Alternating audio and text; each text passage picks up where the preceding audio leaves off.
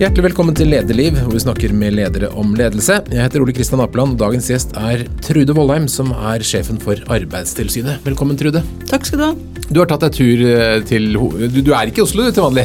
Nei, jeg sitter normalt i Trondheim, der er Direktoratet for Arbeidstilsynet. Men eh, jeg er ofte i Oslo på møter eh, med andre samarbeidspartnere, eller nede på kontoret vårt, som vi også har her i Oslo. Og dere er en stor etat. Ja, vi er vel i norsk målestokk ikke så veldig stor etat, eh, men en viktig etat. Vi eh, Sammenlignet med skatt og politi, så er vi ikke så veldig store. Vi er ca. 750 ansatte per nå. Eh, Så i, i norsk målestokk med andre offentlige etater, så er vi kanskje sånn. Jeg syns det var mye. ja. Får du, får, blir du kjent med alle? Klarer du å komme deg rundt, for dere er vel spredd? Ja, nå har jo pandemien vært et hinder i over to år for det. Men før det så reiste jeg rundt eh, på eh, de tidligere regionene som vi hadde, som var sju i tallet, to ganger i året. Og traff alle medarbeiderne da rundt omkring i landet. Og så er jo intensjonen jo etter pandemien å få starta en rundreise på eh, kontorene rundt omkring i landet, men eh, foreløpig så har jeg rukket to eller tre. Eh, Det er mye annet som skjer nå etter, etter vi har eh, kommet ut av en eh, pandemi og hjemmekontor. Det er mye å glede deg til, da. Ja, det har jeg. Jeg trives å være ute med folkene mine. En av de store diskusjons, eller de store temaene etter pandemi er jo dette med hjemmekontor. Hva er policyen hos dere? Du, vi har, eh, jeg gjorde en undersøkelse, kartlegging, da vi så at pandemien gikk mot slutten, og spurte mine folk hva vil dere nå når pandemien er over, hva tenker dere da? Jeg fikk eh, god oppslutning på den enkle spørreundersøkelsen, og over 80% ville ha hjemmekontor to-tre dager i uka. Kun 2 svarte at de ville bare være på kontoret. Oi! Eh, og da fant vi ut at vi har Arbeidstilsynet. Vi har ikke en fasit på hva er bra og hva er ikke bra. For det finnes veldig lite forskning på hva betyr hjem- hjemmekontor for arbeidsmiljøet i en normalsituasjon. Det er noe annet når vi satt i en pandemi, da var vi pålagt det. Eh, Men når du kommer i en situasjon der du faktisk kan velge, eh, så vet vi lite om eh, effekten av det. Hva betyr det? Vi fant ut at vi ønsker å teste dette ut, så vi har laga en liten sånn pilot, eller en testperiode, som er nettopp har utvida til utgangen av februar 2023 der vi skal høste erfaringer på eh, hva betyr dette for oss. Hvor mange er det som da kommer på kontoret? Hvor mange syns at det fortsatt er greit å ha den fleksibiliteten. Så vi har eh, skriftlige avtaler som forskriften krever, eh, med frivillige avtaler med jeg tror nesten samtlige av våre ansatte det. Eh, Og da kan de benytte seg av hjemmekontor inntil to dager i uka. Ja, Så du har satt et tak?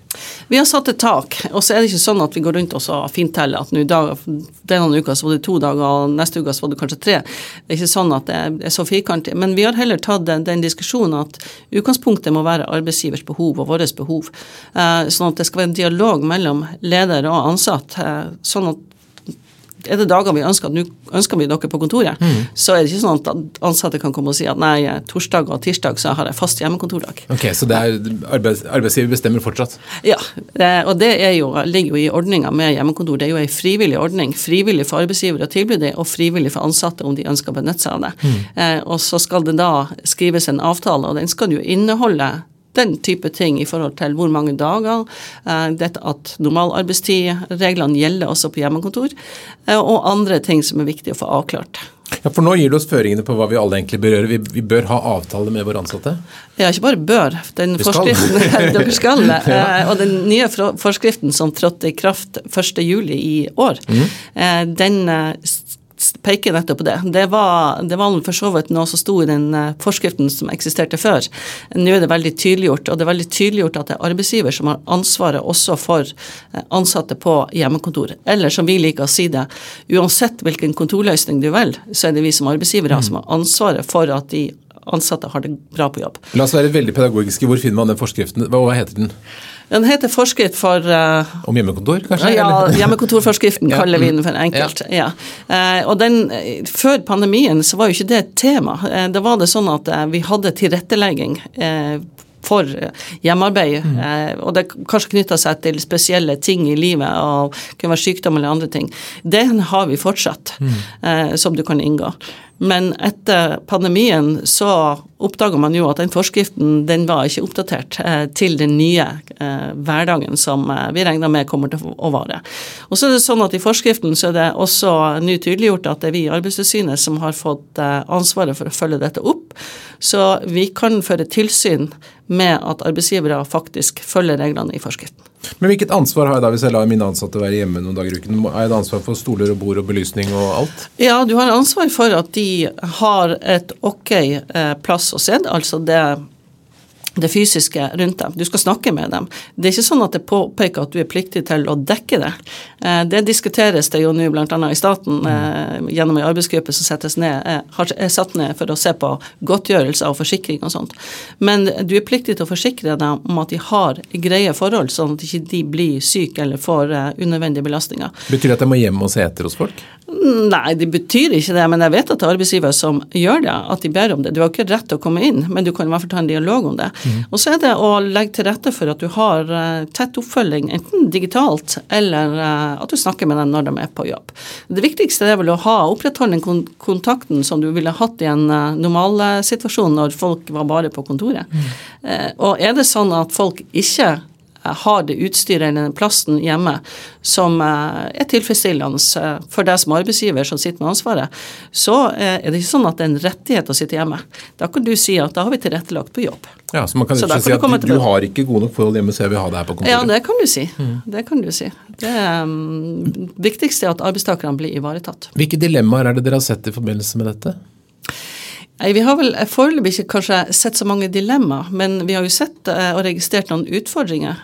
Det er kanskje arbeidstakere som, og medarbeidere som kanskje burde vært på kontoret, som ikke er på kontoret. Mm. Som kanskje er ensomme, som trenger den lille ekstra eh, omsorgen og bli sett på, på jobb. Eh, som kanskje sliter litt ekstra. De må vi ha stor oppmerksomhet på. Eh, så er det sånn at eh, det er kanskje litt sånn eh, kollegaer som ønsker at du er på kontoret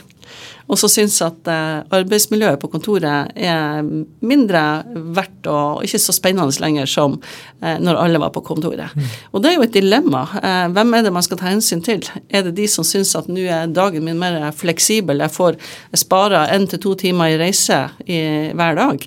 Det gjør noe med hele tilværelsen min, jobb privat, som blir bedre.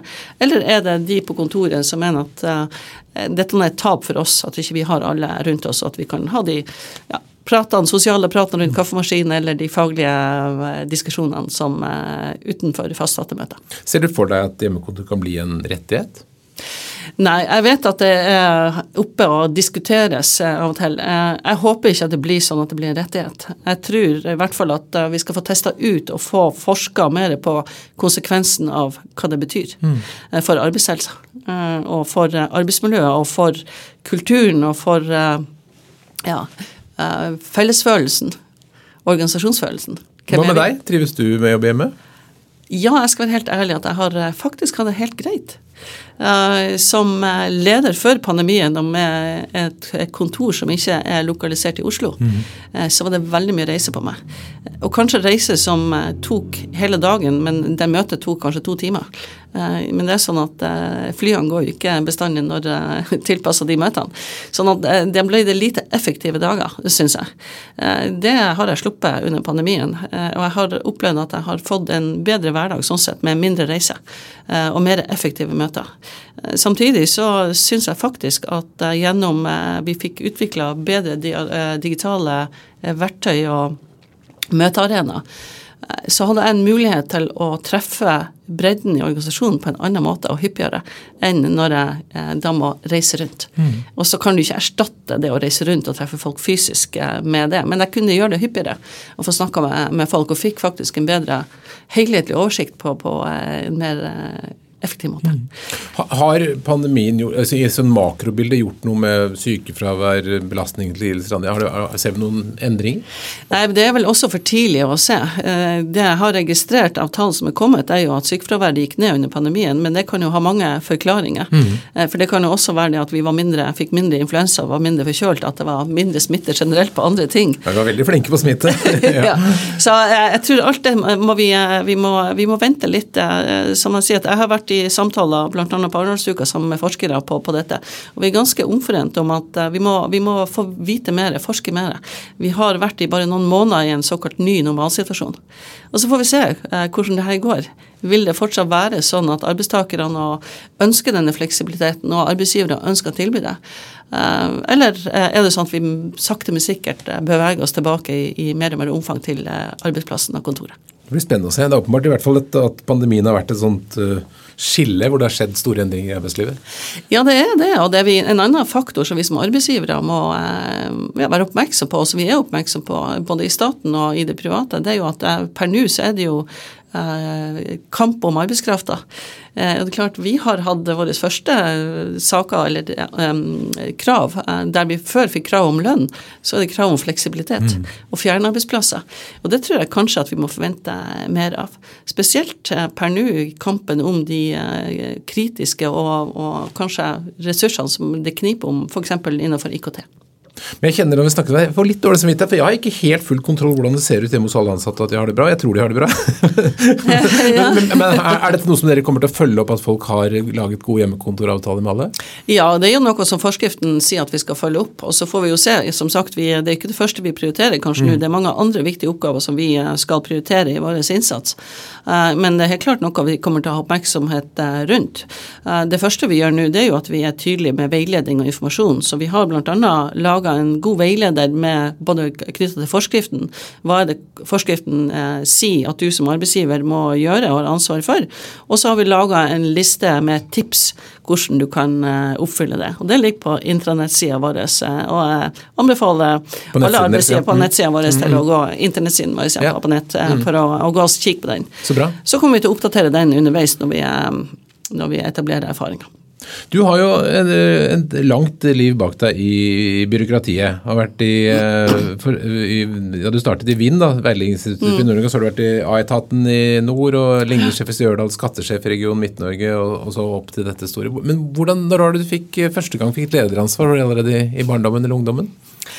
Ja, det er litt uh, morsomt. Jeg traff min gammel hos meg kaller for frøken, eller mm. læreren min ja. fra tredjeklassen. Sier, jeg tror ikke man sier frøken lenger, men ja. Nei, man gjorde, ja, man gjør vel ikke det nå, men, ja. men uh, vi sa det til hun da, frøken. Uh, hun, har, hun, var fra Sør-Norge og bodde bare nordpå i noen år. Jeg traff henne igjen for et par år siden. Og da kom hun bort til meg og så sier hun at jeg er ikke overraska over at du er kommet dit der du er, sier hun. Fordi én ting var helt sikkert, at hvis jeg var forsinka til timene, eller jeg måtte ut, så visste jeg at eh, du hadde satt i gang klassen og tatt ansvar. Så bra. Så, um, så det, det var, du, har, du er født med led, et ledergen, altså? det, det, vet jeg ikke, men uh, jeg hadde glemt den episoden. Men uh, jeg er jo eldst i en søskenflokk på fem, uh, så vi blir fort sånn at du får litt ansvar, ekstra ansvar. Men jeg har vel, um, jeg har vel tatt en sånn rolle hele tida. Det har ligget i, i, meg, kanskje. har du også vært sånn foreningsleder i ungdommen og sånn? Nei, jeg har ikke vært foreningsleder. Jeg har vært med i foreninger, Jeg har spilt i korps og uh, vært, drevet med litt skyting og litt sånne ting, men aldri tatt en lederrolle der. Der har jeg kobla av. Men det, det første, liksom, sånn som jeg leser CV-en din, så det, det, store lederløftet var vel opptatt da, da du fikk eh, regionansvar i, i ligningsetaten? Unnskyld, ja, i skatteetaten, ja. Mm. Ja, jeg hadde jo vært eh, da mellomleder eh, i ganske så mange år i staten. Jeg gikk over til staten fordi at jeg trodde at du skulle bli et roligere liv fra konsulentvirksomhet. Ja. Eh, og ble leder. Det ble det ikke. som småbarnsmor. Det ble det ikke. Jeg hadde nok et bilde som kanskje mange andre har av staten, som kanskje litt grått og litt sånn, ja, ikke så mye fart og spenning. Mm. Jeg tok grundig feil. Så har jeg vært heldig og fått ulike oppgaver og vokst underveis. Blitt, eh, har vært ute en kort periode i andre ting, men blitt henta tilbake eh, til bl.a. skatt og eh, den store omstillinga som da var i 2007-2008, der man slo sammen tre ulike både nivå og enheter innenfor skatteområdet til store regioner. Mm. Så da ble jeg henta tilbake og spurt om jeg kunne tenke meg til å komme tilbake og lede den omstillinga i Midt-Norge og over i da en ny, stor region. Det var en svær utfordring? Det var en kjempeutfordring. På toppen av det så holdt jeg på med masterutdannelse, og eh, I tillegg så ble jeg òg bedt av daværende skattedirektør til å lede virksomhetsstrategiprosjektet for eh, skatteetaten. Eh, og jeg hadde ganske små barn hjemme, så det var en ganske tøff, tøff år. men, men, men, når du tok det store ansvaret, hadde du en klar sånn bevissthet på hvordan du skulle være som leder? Ja, jeg hadde jo Egentlig har jeg vokst som leder underveis og lært. Jeg har, har med meg gode holdninger, hva jeg sier, hjemmefra, og et engasjert eh, både bestemødre som har vært mm. rollemodeller for meg, og en far som har lært meg om både det å være modig og om respekt, mm. og en mor som har lært meg det samme om historie. Uh, og historien, eh, Du skal ikke bo i historien, men du skal aldri glemme den og ta den med deg videre inn. Uh, og den respekten for mennesker, den uh, har vært med meg hele veien. Um, så jeg har nok hatt det som grunnleggende verdier inn i lederskapet mitt. Mm. og um, tatt det med meg også inn i sånne krevende oppgaver som det er. for når du skal omstille og i den forbindelse der også legge ned kontorene, der folk mister faktisk arbeidsstedet sitt og arbeidet sitt i, mm. i verste tilfelle, så, så, må du du må ha respekt og kontakt med de menneskene og forstå hva de gjennomgår. For det er ikke bare å kjøre på og tro at det er så enkelt som det ser ut på papiret å sette kryss over over 20 kontor. Du skal ta med deg historie. Hvor legger du det? Nei, det har noe med at alle historier Jeg er veldig interessert i historie. Eh, det har jeg vært fra jeg var bitte lita. Eh, og jeg tror du kan lære noe av historien, av det som har vært. Det er ting der som er viktig å ta med seg inn i fremtida. Selv om fremtida er spennende, og du skal ikke stoppe opp og si at alt var bedre før. Du må hele tiden utvikle deg. Den mm. kommer uansett. Men det å ta med noen erfaringer og ta vare på det som fungerte i historien, eh, det tror jeg er viktig. Det må vi hele tida gjøre, både i forbedringsarbeidet og i bevaringsarbeidet. I, i, også i lederskapet og i mm. organisasjonsutviklinga. Historien innenfor den sektoren som du er på, altså på arbeidsmiljø, det er en ganske mm. hyggelig historie. Det har skjedd mye positivt i norsk arbeidsliv de siste hundre årene? Ja, det har jo skjedd veldig mye eh, bra i norsk arbeidsliv. Eh, og norsk arbeidsliv har jo eh, vært bra over mange år, og er jo et av verdens, eller kanskje verdens beste arbeidsliv mm. fortsatt. Og så er det dessverre fortsatt oppgaver for oss, fordi at vi har altfor mange arbeidsskadeulykker og arbeidsskadedødsfall og sykdom som skyldes arbeidsforhold. Og høyt sykefravær mange steder? Og veldig høyt sykefravær mm. mange steder. Det er ikke vi som jobber direkte med eh, sykefraværet, men det er klart at vi gjennom den jobben vi er med på å bidra til forebygging av helseskader eh, på arbeidsplassene, så er vi også med på å bidra til at vi får ned sykefraværet. Mm. Men du jobbet også i Skatteetaten, som jo kanskje er blant de mest beundrede offentlige etater. Mm. For man har blitt veldig teknologisk oppegående og en bra serviceorganisasjon. Hva lærte du om omstilling i den perioden der? Jeg lærte the hard way, men jeg lærte også eh, Skatteetaten er en flott organisasjon. Eh, en stor organisasjon, og jeg har, jeg har hatt 15 år av mitt lederliv i Skatteetaten. Eh, lærte mye om dette med å ha gode planer, gjennomtenkte ting. At det skal være orden. Ordentlig. Eh, ta er veldig ordentlig, og det er mm. veldig bra. Eh, sånn at eh, når vi gjennomfører tøffe ting som i omstilling er, og spesielt når vi legger ned kontor, så skal du gjøre alt du kan. At folk skal ha den forutsigbarheten og Uh, oppfølginga som, som, trengs. Det skulsa ikke vi med. Det var godt planlagt og fulgt opp og gjennomført. Og så er ikke alle like fornøyde likevel. Sånn er det bestandig. Mm. det er ikke alle som syns at det blir bra. Eh, fordi at man kanskje mister jobben sin eh, til syvende og sist eh, når kontoret blir nedlagt. Men det å ivareta folk i en sånn omstillingsprosess, det lærte jeg veldig mye av i Skatteetaten. Og det har jeg tatt med meg inn i Arbeidstilsynet når også etter ganske kort tid etter jeg ble, kom inn dit, starta ei større omstilling også der. Da dro jeg med meg mye av erfaringene og planverket som jeg brukte i skatt for å og legge til rette for at vi skulle ivareta medarbeidere og den forutsigbarhet og tryggheten som er viktig i en omstillingsfase. Hvordan motiverer man folk best for å Folk vil jo ikke ha forandring ofte? Nei, eh, det ligger vel kanskje i oss som mennesker at vi ønsker at ting skal ha vært sånn som det var bestandig. Mm. Men å motivere til omstilling, det er jo for det første å være åpen om hvorfor. Forklare hvorfor er dette nødvendig. Eh, å være åpen og ærlig på det. Eh, og så er det å skape et bilde om et Kall det en visjon der framme om hvor vi skal. Eh, å være en som ikke nødvendigvis drar, men ja, noen vennlige klapp, støt, pusher litt eh, foran. Eh, og så er det å være til stede. Eh, og se menneskene og forstå reaksjonene tror jeg er, er viktig. Jeg, for meg har det i hvert fall vært viktig. Det å anerkjenne at den motstanden er der, eh, og det å respektere at folk reagerer veldig ulikt. Mm. Noen syns dette er kjempespennende og syns omstillinga går altfor sakte. Syns bare du skal kjøre på for nå vil bli over i noe nytt. Mens andre holder tilbake også en stund etter at du har inn i en ny organisasjonsmodell, f.eks. Men mange organisasjoner er jo nær, nær sagt i evig omstilling. Tenker du at folk kan liksom trenes til å synes det er gøy, eller, eller blir, en, blir en organisasjon omstillingstrett på et tidspunkt? Jeg tror faren for at du blir omstillingstrøtt eh, er der, dersom du ikke eh, har et felles bilde og en forståelse på hvorfor dette er viktig. Mm. Men så tror jeg det at dette med eh, Spørsmål hva definerer du som en omstilling? I mitt hode og i min erfaringsverden så er det ei omstilling noe større du gjør. Noe som går over tid. En prosess som du starter, og som på en måte på et tidspunkt da avsluttes, og som du da evaluerer. Men, men sånn som samfunnet har blitt i det siste, og i den tid, de snart 30 30 årene jeg har vært i staten, så er det jo ei ei fantastisk eh, eh, hurtig endring rundt oss. Og det er klart, vi som jobber i statlig forvaltning, vi kan ikke sove i timen. Vi er nødt til å henge med. Mm. Eh, og det betyr mindre endringer hele tida. Eh, og det er nok mange som tenker på det som ei omstilling. Men vi er nødt til å tilpasse oss. Mm. Eh, og der har ikke vi råd til å stoppe opp. Vi, vi, er nødt til å følge med eh, på det som skjer. Fordi at vi er satt til å utføre et samfunnsoppdrag. Og da må vi henge med samfunnet og forstå hva som skjer der mm. ute. Du snakket visjon. Hva er din visjon for uh, Arbeidstilsynet? Jeg har jo en visjon for Arbeidstilsynet som at vi skal være verdens beste arbeidstilsyn. Så bra.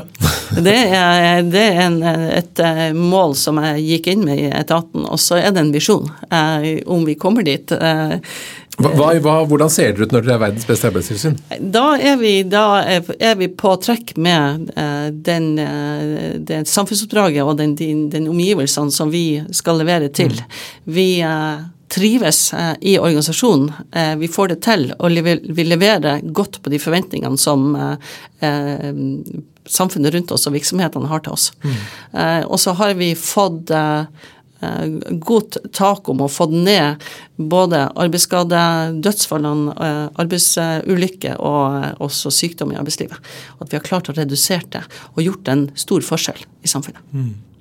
Men hvis man driver en litt mindre virksomhet, jeg, jeg kjenner De største er kanskje mer profesjonelle, men de minste, så, så man en, hvis man får en henvendelse fra Arbeidstilsynet, så tenker man at det er litt skummelt. Det, det blir liksom, Man ja. føler at man blir uh, skal, skal undersøkes, settes til veggs på en måte. Ja. Hvordan tenker du at, hvordan vil du at Arbeidstilsynet skal oppleves? Jeg vil at Arbeidstilsynet skal oppleves som at vi har ett formål, og det er at vi skal ha en forbedring der ute. Hvis mm. vi skal oppnå en effekt. Eh, og vi skal sammen med virksomhetene jobbe for at vi skal få ned disse ulykkene eller sykdommene eller eh, dødsfallene. Mm. Jeg vet jo at de virksomhetene ønsker ikke dette. Dette er kostbart. Hver arbeidsulykke er kostbart for virksomheten. Det er kostbart for den personen eh, som rammes, og det er kostbart for samfunnet. Og det samme er jo dødsfallene og mm. sykdommen. Så jeg tror vi jobber jo mot samme mål. Og mitt mål er jo at vi på best mulig måte sammen med virksomhetene skal klare å oppnå dette gjennom god veiledning og forståelse forståelse for både hva som må gjøres, mm. og hva vi kan bidra med for å få, opp, eh, få fokus på dette arbeidet. Mm. Og så er det sånn at Av og til så må vi på tilsyn da, eh, for å kontrollere. Og, og Jeg har vært med på en del tilsyn med inspektørene mine, og jeg ser at veldig stor del av tilsynet går nettopp på å veilede. Man lytter til virksomheten. Hva tenker dere, hvordan jobber dere? Og så veileder man mye i tilsynet. Det er ikke sånn at inspektørene våre går ut der for å finne fem feil.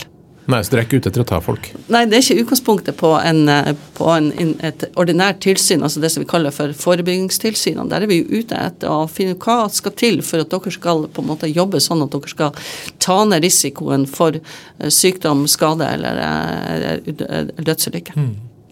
På hvilke områder er det vi har arbeidsmiljøutfordringer i Norge i dag? Hvor, hvor er det farligst å jobbe? Ja, jeg kan jo nevne, nevne, hva vi har satt opp som prioriteringer mm. de siste årene fra 2020, altså fra etter pandemien. og da nå, Våre store satsinger nå det er innenfor eh, bl.a. Um, muskel og skjelett. Der har vi store utfordringer i flere bransjer. Mm. Eh, som eh, er med at, å, å, å, gi eh, mye sykdom og sykefravær eh, hos eh, ansatte. Og så har du også kreftrelatert sykdom, bl.a. asbest som kanskje er et område Fortsatt? Jeg trodde du var ferdig med det. Ja, det det er akkurat det jeg skulle si, at asbest er noe som eh, man tror er borte. Eh, Og det er sågar sånn at vi har oppdaga at eh, mange nye utdanna innenfor yrkesfagene, de har ikke hørt om asbest. Nei. Eh, Men asbest er fortsatt her, fordi at vi nå er begynt i stort med renovering eh, av bl.a. bygg. Eh, Der ligger det asbest. Så asbest er et viktig tema fortsatt eh, for å forebygge. Vi har eh, forebygging innenfor eh, brann og brannsikkerhet og brannstasjoner. Vi har gjort en massiv tidligere en innsats mot eh, tilsyn og oppfølging av av brannstasjoner. Mm. Fordi at eh, brannfolk utsettes eh, for kreftfare dersom man ikke har, har gode forhold på, på brannstasjonene for, eh, og godt utstyr. Så det, det er noen eksempler på sånne forhold som vi har fokus på som er, er viktig. Og så har vi dessverre altfor mange ulykker innenfor fall i bygg og anlegg primært, og vi har mange ulykker innenfor jordbruk, eh, og også innenfor transport eller transportlogistikk, som er klemskader og ja, skader i forbindelse med lassing og lossing. Og Skyldes disse tingene at folk eh, ikke vet hvordan ting skal gjøres, eller er det slurv bare? Jeg tror at det er en kombinasjon. Eh, noen ganger så ser vi at det er slurv. Eh, noen ganger så finner vi ut at man har tatt bort eh, sikkerhetsdeksler fordi at det skal gå fortere. F.eks. Mm. For på en kappsak. Gå kjappere hvis den er borte. Det er vondt å høre på. Eh, ja, det, det, og det er klart at det, er nok eh, kall det slurv, eller at man eh, tenker at det går litt fortere. Men Mm. det er ikke lurt. Andre ganger så går det på kunnskap, og kanskje spesielt utsatt er unge på arbeidsmarkedet, og, eller i arbeidslivet, og utenlandsk arbeidskraft. Som ikke er vant til å tenke sikkerhet sånn som vi tenker i, i Norge, og som ikke har den kompetansen og den kunnskapen. Derfor så satser vi veldig mye på når vi snakker med arbeidsgivere, at det er viktig at disse to gruppene er ekstra risikoutsatt, så man må ha stort fokus på å lære dem opp eh, i eh, hvordan vi eh, skal jobbe for at vi ikke skal havne i ulykker. Så tenker man jo ofte Når man snakker arbeidsulykker og sykdom, så er tenker man jo nettopp som du sier, sagbruk og, og byggeplasser og sånne farlige steder. Men det, det skjer jo mye på kontorer og i butikker og trygge steder og ut fra muskel og skjelett. Hva er det man bør passe på på en kontorarbeidsplass for å holde folk friske? Nei, Man bør eh, satse på å, tenke på det fysiske utstyret, f.eks. Mm. Altså Ergonomien er jo viktig. Men kanskje like viktig er jo det psykososiale. Og det er jo der vi har eh, vi setter inn eh, stort fokus nå, det er på psykososiale. Det er, som vi snakker om i forhold til hjemmekontor. Eh, det er kanskje enda vanskeligere å følge opp det psykososiale når man sitter på hjemmekontor. Men vi har jo hatt psykososiale utfordringer på, i kontor, kontorlandskap og i organisasjoner også før pandemien, med mm, kanskje konfliktsituasjoner med en eller to som ødelegger for de andre. Så dette med å ta tak i det og følge det opp, sånn at ikke det får utvikle seg og ødelegge et eh, arbeidsmiljø for eh, andre, og for de det gjelder, er- er viktig. Og kanskje andre ting man sliter med, som eh, er viktig at vi som ledere følger opp og, og tenker på. Og psykososialt arbeidsmiljø og ledelse henger også litt sammen. Er det mange som blir syke i Norge pga. dårlig ledelse? Det har ikke jeg noe oversikt over. Vi sitter ikke på den, eh, den statistikken. Det- Men det er klart at ledere, og vi som ledere har jo et spesielt ansvar. Og hvordan vi opptrer som ledere får konsekvenser også for hvordan de som jobber sammen med oss eh, opp- oppfører seg.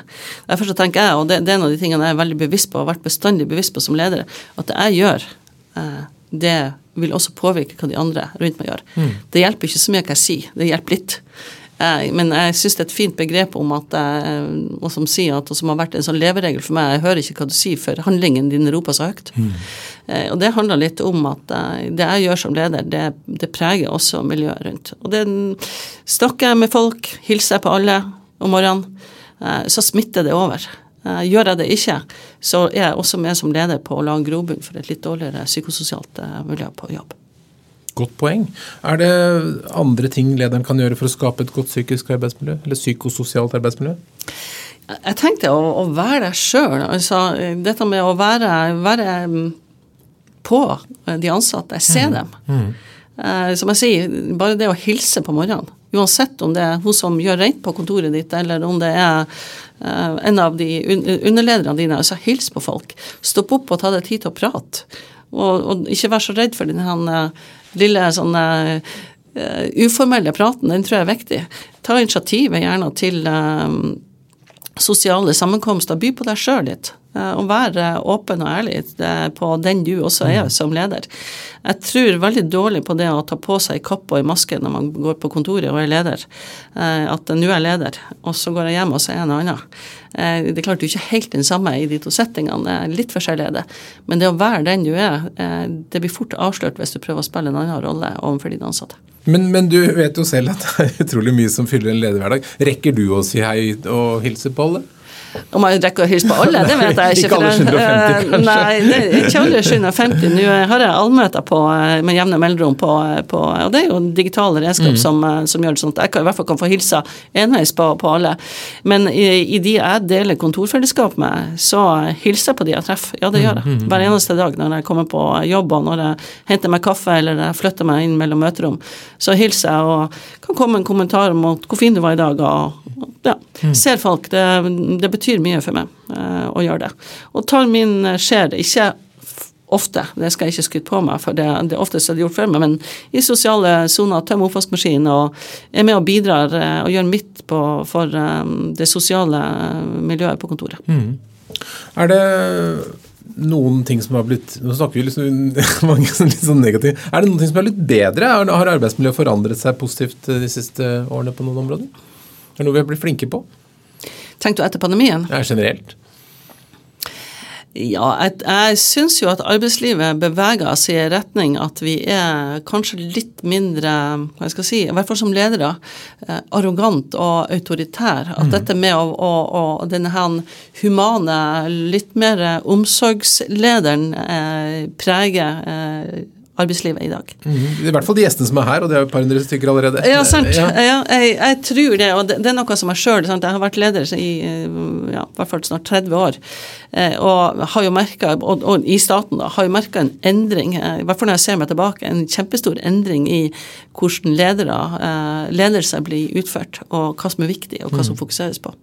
Og det er bra, så jeg tror dette med å se mennesker, det å være den mer omsorgslederen og den uten at du at du på en måte skal at du, at du ikke skal være, ha autoritet for det. Men fokuset på dette med tillit og på, med respekt tror jeg har eh, øka seg. Og at du, det har endra seg også fordi at medarbeidere aksepterer ikke lenger ledere nødvendigvis, eller har ikke respekt for ledere som, som oppfører seg kanskje litt sånn som vi eh, var vant til eh, for eh, noen år tilbake. Og Det er vel store endringer i staten òg. Før liksom, ville du vært lengst inne etter et par sånne forkontor med masse sekretærer og veldig langt unna. Nå er du tettere på? Ja, jeg må bare si at jeg har kanskje gått mot strømmen fra jeg kom inn i staten, for at jeg har takka nei til både eh, forkontor og egen, egen parkeringsplass og gratis parkeringsplass. Jeg har egentlig vært litt imot det bestandig. At eh, jeg som leder, som sjøl meg har, har, øverste ansvaret, så var jeg tross alt best betalt. Så sånn at jeg skulle ha sånn tilleggsordning i tillegg, det har jeg aldri mm. følt meg veldig komfortabel med. Så jeg har takka nei til sånne ting. Eh, og så husker jeg at jeg har som direktør, enten regiondirektør eller som direktør, så var det ofte sånne store, fine kontorer. Mm. Jeg har aldri trivdes alene. Hjørnekontoret er gjerne sjefen. Det, hjørne, det var det jeg hadde. Store, fine kontorer med flott utsikt. Jeg har aldri trivdes inne på de kontorene alene. Så, men eh, første gangen jeg begynte å, nevne at nå ønsker jeg å flytte meg ut i landskap, så var det litt motstand, faktisk. Ikke sånn at folk protesterte sånn eh, direkte, men jeg registrerte det. at mm, jeg var ikke så helt sikker på om direktøren skulle ut, da, men etter hvert så ble det naturlig. sånn Jeg har sittet mer og mer i åpent landskap sammen med i hvert fall mine ledere. Jeg vet at de som selger sånne stockshots, bilder, fotografier altså når folk, de bild, Fotografiene man kjøper i bildebanker av ledere Før ja. så var det liksom sånn mann med dress og slips på ja. litt avstand, og nå er det en sånn mer jovial person som sitter på pulten og prater. og det, ja, så de, de, bildene som kjøpes av ledere, så bildet av som, hva som er en god leder, er vel i forandring? Ja, da, det er i endring, absolutt. Og det er bra. Når føler du at du er best? Når trives du best som leder? Jeg føler at når jeg er i fart, og når jeg har um, dynamikk rundt meg uh, Nå jobber jo jeg og har jobba i mange år med altså, Jeg leder jo gjennom ledere. Uh, så når jeg på en måte har en ledergruppe som både er ulik meg, uh, for det er jeg veldig opptatt av, å ha ulikhetene inn i mm. ledergruppa, og som um, tør å bryne seg, både mot hverandre og mot meg, Um, og at vi er i drift forover um, og føler at vi på en måte, selv om vi kanskje er uenige i, i, å ha ulike synspunkt, men allikevel eh, ser det felles hvor vi skal, uh, da trives jeg aller best. Da, det motiverer meg, og det, det utfordrer meg, og det trenger jeg. Jeg er ikke noen god leder i hvis det skulle være ren drift. Men hva slags ulikhet er det du vil ha? Jeg vil gjerne ha ledere som tenker annerledes enn meg. Eh, som på en måte ser en eh, ting fra annen, eh, et annet synspunkt enn det jeg gjør. Sjøl om jeg har etter hvert ganske mange års erfaring, så er det fortsatt gjort at man på en måte går seg blind i en tunnel og ser ett syn, fordi at det er den erfaringen man har hatt. Um, da er det viktig at jeg blir på en måte gjort oppmerksom på at her finnes faktisk andre alternativer. Uh, F.eks. når jeg kom inn i Skatt, så jeg hadde 15 års erfaring som leder der, så da, da er jeg ganske prega av det, hvordan Skatt jobber, og mm. sånn tenkte vi der, og sånn var det der. Um, og drar det naturlig med meg inn i, i rollen i Arbeidstilsynet.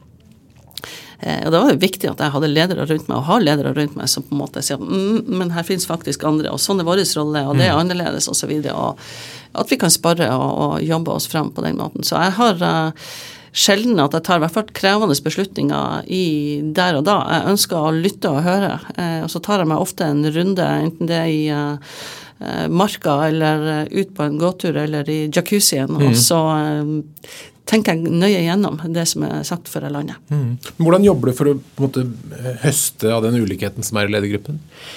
Nei, jeg spiller ofte opp mine tanker. Jeg, spesielt hvis jeg ser ting litt fram i tid som jeg tenker at dette kommer til å bli viktig for oss. Mm.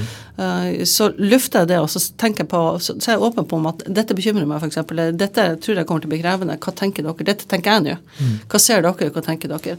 Og så starter vi tidlig en sånn prosess. Da lufter jeg det rundt i min egen eh, ledergruppe uh, ofte. Og jeg bruker også å, å, spille ball med mine tillitsvalgte. Som leder så tror jeg i, i, i stor grad at uh, det er veldig lurt eh, å ta med seg tillitsvalgte inn i mm. de diskusjonene som du vet, og, og de sakene som kan bli krevende frem i tid. Så jeg har, eh, jeg har um, godt samspill med mine tillitsvalgte. Det har jeg bestandig eh, streba for å få til. Og det, Der har vi jo i hvert fall ulike roller og ulike synspunkt. Mm. Men dette med å jobbe med at ok, det er greit men vi skal ha respekt for hverandre og respekt for hverandres roller. Og til syvende og sist så er det min jobb å ta beslutning, men jeg vil gjerne lytte til dere og jeg vil gjerne spare med dere. Og jeg har endt opp med eh, ganger at jeg har endra min eh, beslutning, eh, i hvert fall utgangspunktet for at jeg har spara meg tillitsvalgte. Det er kanskje lettere å ta den diskusjonen før du tar beslutningene enn etter? ja, og det er jo veldig, nå vi i staten veldig, eh, Hovedavtalen er jo veldig tydelig på at vi skal, de skal involveres og medvirke. Mm. Eh, og så gjør vi vel kanskje i større og mindre grad, men for meg er det ikke bare den loven og regelen som er viktig, det er faktisk eh, meningsfullt, og det øker verdien av beslutningsgrunnlaget for meg. Men Du snakker om det lange bildet. Noe av det lange bildet for staten er jo at det skal effektiviseres og mm. bli billigere og færre mennesker. Som mm. du sa før vi begynte her, at dere har blitt flere. Mm. Ser du for deg et mindre arbeidstilsyn? Mer, er det noe å gå på der fremover? Det kan godt hende. Det, det, er vel ikke noen sånn signaler at vi skal øke sånn i, i, størrelse. Det som har gjort at vi har økt litt de siste årene, handler om at vi får tilført nye oppgaver. Bl.a. nye godkjenningsordninger. Eh, siste vi fikk nå, som eh, gikk på lufta 1.7, det var godkjenningsordning for bilpleie. Ja. Så vi, da får vi eh, noe penger til, som følger med oppgaven, men da får vi også en ny oppgave. Um, samtidig så har jo også vi effektiviseringskrav på oss, og det er helt riktig, tenker jeg. Vi skal uh, tenke effektivisering både i kvalitet, men også i ressursbruk. Så vi har hatt stort fokus de siste årene, og, må ha det videre fremover, på digitalisering. Både for effektivisering, men også for brukerne våre som skal uh, bruke oss. Uh, og det er litt tilbake til det jeg sa, at vi i statlig sektor er nødt til å henge med i tida. Når vi som privatmennesker er vant til å bruke nettbanken og gå inn og få et lån omtrent på minuttet, så tar vi med oss de forventningene også i forvaltninga, mm. i møte med forvaltninga. Eh, sånn at når vi har byggesøknader osv., så, så kan ikke vi sitte og bruke mye manuelt arbeid og mye tid på en sånn søknad, i hvert fall sånn enkelt kan behandles, som kan automatiseres og digitaliseres. Men kan det være en belastning òg, at man har et sånt effektiviseringskrav hengende over seg? Ja, det er klart det kan være belastning. og det, det en belastning er jo kanskje, og kanskje motstand kommer først fordi at man er redd for å slippe de oppgavene, og at man er redd for hva betyr det da når ikke menneskene sitter der og sjekker kvaliteten. Samtidig så vet vi jo bl.a. gjennom det Skatt har gjort på lønnstakerligninga, at det går ganske så bra, uh, selv om det en, en, eh, kan være en tøff vei fram dit. Men, men um, jeg tror jo på sikt så er vi tjent på det, og jeg tror vi har godt av det. Eh, det er igjen dette med å Vi må følge med det som skjer. Mm. Eh, ellers så blir vi eh, utdatert ganske så fort. Og, og da er, er, tjener vi ikke oppdraget vårt og det vi skal eh, bistå med. Så det nytter ikke å lene seg tilbake på hjørnekontoret, man må være ute og, være på? Ja, vi må følge med trender. Og vi er, vi er, veldig på. Vi jobber ganske tett med både internasjonalt i hele verden i et samarbeid, og i Europa og i Norden har vi enda tettere samarbeid. Der vi følger med det vi kaller for future work. Hva skjer rundt omkring i utviklinga? Det er jo kanskje andre land som oppdager trender som f.eks. plattformsøkonomien, mm. før vi får den fort inn. Men da må vi eh, følge med og vite at ok, den kommer hit også på et eller annet tidspunkt. Hva skjer da med norsk arbeidsliv, og hva betyr det for oss som arbeidstilsyn? Og i det så legger du at mange folk jobber, altså at folk jobber mer uavhengig i, i digitale samarbeid? Ja, mm. vi har jo f.eks. Fodora og en del av de her mm. tjenestene som da går på digitale plattformer, mm. og som da utfordrer arbeidstaker- og arbeidsgiverbegrepet, f.eks. Og hva betyr det, og hvilken hensyn, hva betyr det for oss? Hva må vi ha fokus på da? Så vi kan ikke stoppe den utviklinga. Men hva, hva, gjør vi for å, å, sikre at også disse blir ivaretatt på en god nok måte? Er det en positiv eller negativ utvikling sånn rent arbeidsmiljømessig? Det vet jeg ikke. Jeg må jo si at sånn Rent personlig så er jeg jo noen ganger litt bekymra. Det betyr ikke at det er, altså, det er lovlig. Men jeg er litt bekymra for om arbeidstakerne sine rettigheter kan bli svekka i forhold til Og da tenker jeg kanskje både på arbeidstid, arbeidspress og, og lønn. Mm. Eh, og at det ofte kan være disse utsatte gruppene som er unge arbeidstakere eller utenlandske arbeidstakere som, som kan bli uh, eh, utnytta. Og så kan det godt hende at det er veldig seriøse, ordentlige eh, utøvere av dette som, som, som ivaretar også, også disse på en god måte. Men vi ser at det er noen useriøse også blant dem. Mm. Så, og det må vi ha oppmerksomheten eh, retta mot. Er, jeg har lest noen sånne tall om at ja, alle har lyst til å jobbe sånn i fremtiden, men det er vel ikke helt uh, sant? Nei, jeg har vel ikke registrert det. Vi har vel registrert også at det er eh, folk som ønsker seg til mer ordna arbeidsforhold, og som kontakter oss også for at de, der de melder fra. Vi får ganske mye tips i året, så ikke spesielt knytta til, til, plattformøkonomi, til, men til folk som mener at de er utsatt for dårligere arbeidsforhold enn det de har krav på. Folk trives vel generelt bedre med trygghet enn med utrygghet. Ja. Eh, til slutt, Trude Wold, hvis det kommer en ung person til deg og sier at uh, hun, han vil bli leder, gjerne kanskje i en stor offentlig etat, hva er de tre beste lederrådene du vil gi? Ja, det syns jeg du skal uh, satse på. Ja, bli leder, ja. Det er bra. bli leder, bli leder i staten. Eh, det aller beste det er at skal du bli, er du helt ny som leder, sett deg godt inn i organisasjonen. Gå gjerne først i førstelinja. Vær der og jobb. Vær med dem. Lær organisasjonen ifra grunnen av. Eh, bli kjent med alle oppgavene gjennom å, å, delta i dem. Eh, det tror jeg er veldig lurt. Lær, eh, i hvert fall i staten, systemet i staten godt å kjenne. Vite hvordan både de formelle reglene gjelder, men også de uformelle. og så er det veldig spennende å jobbe i staten, og spesielt i Arbeidstilsynet, fordi at vi står så mellom politikk og forvaltning. Og det er veldig gøy. Ingen dag er lik. Litt sånn employee branding her på slutten. Veldig bra. Trude Valem, tusen takk for at du kom til Lederliv. Bare hyggelig. Takk for at jeg fikk komme.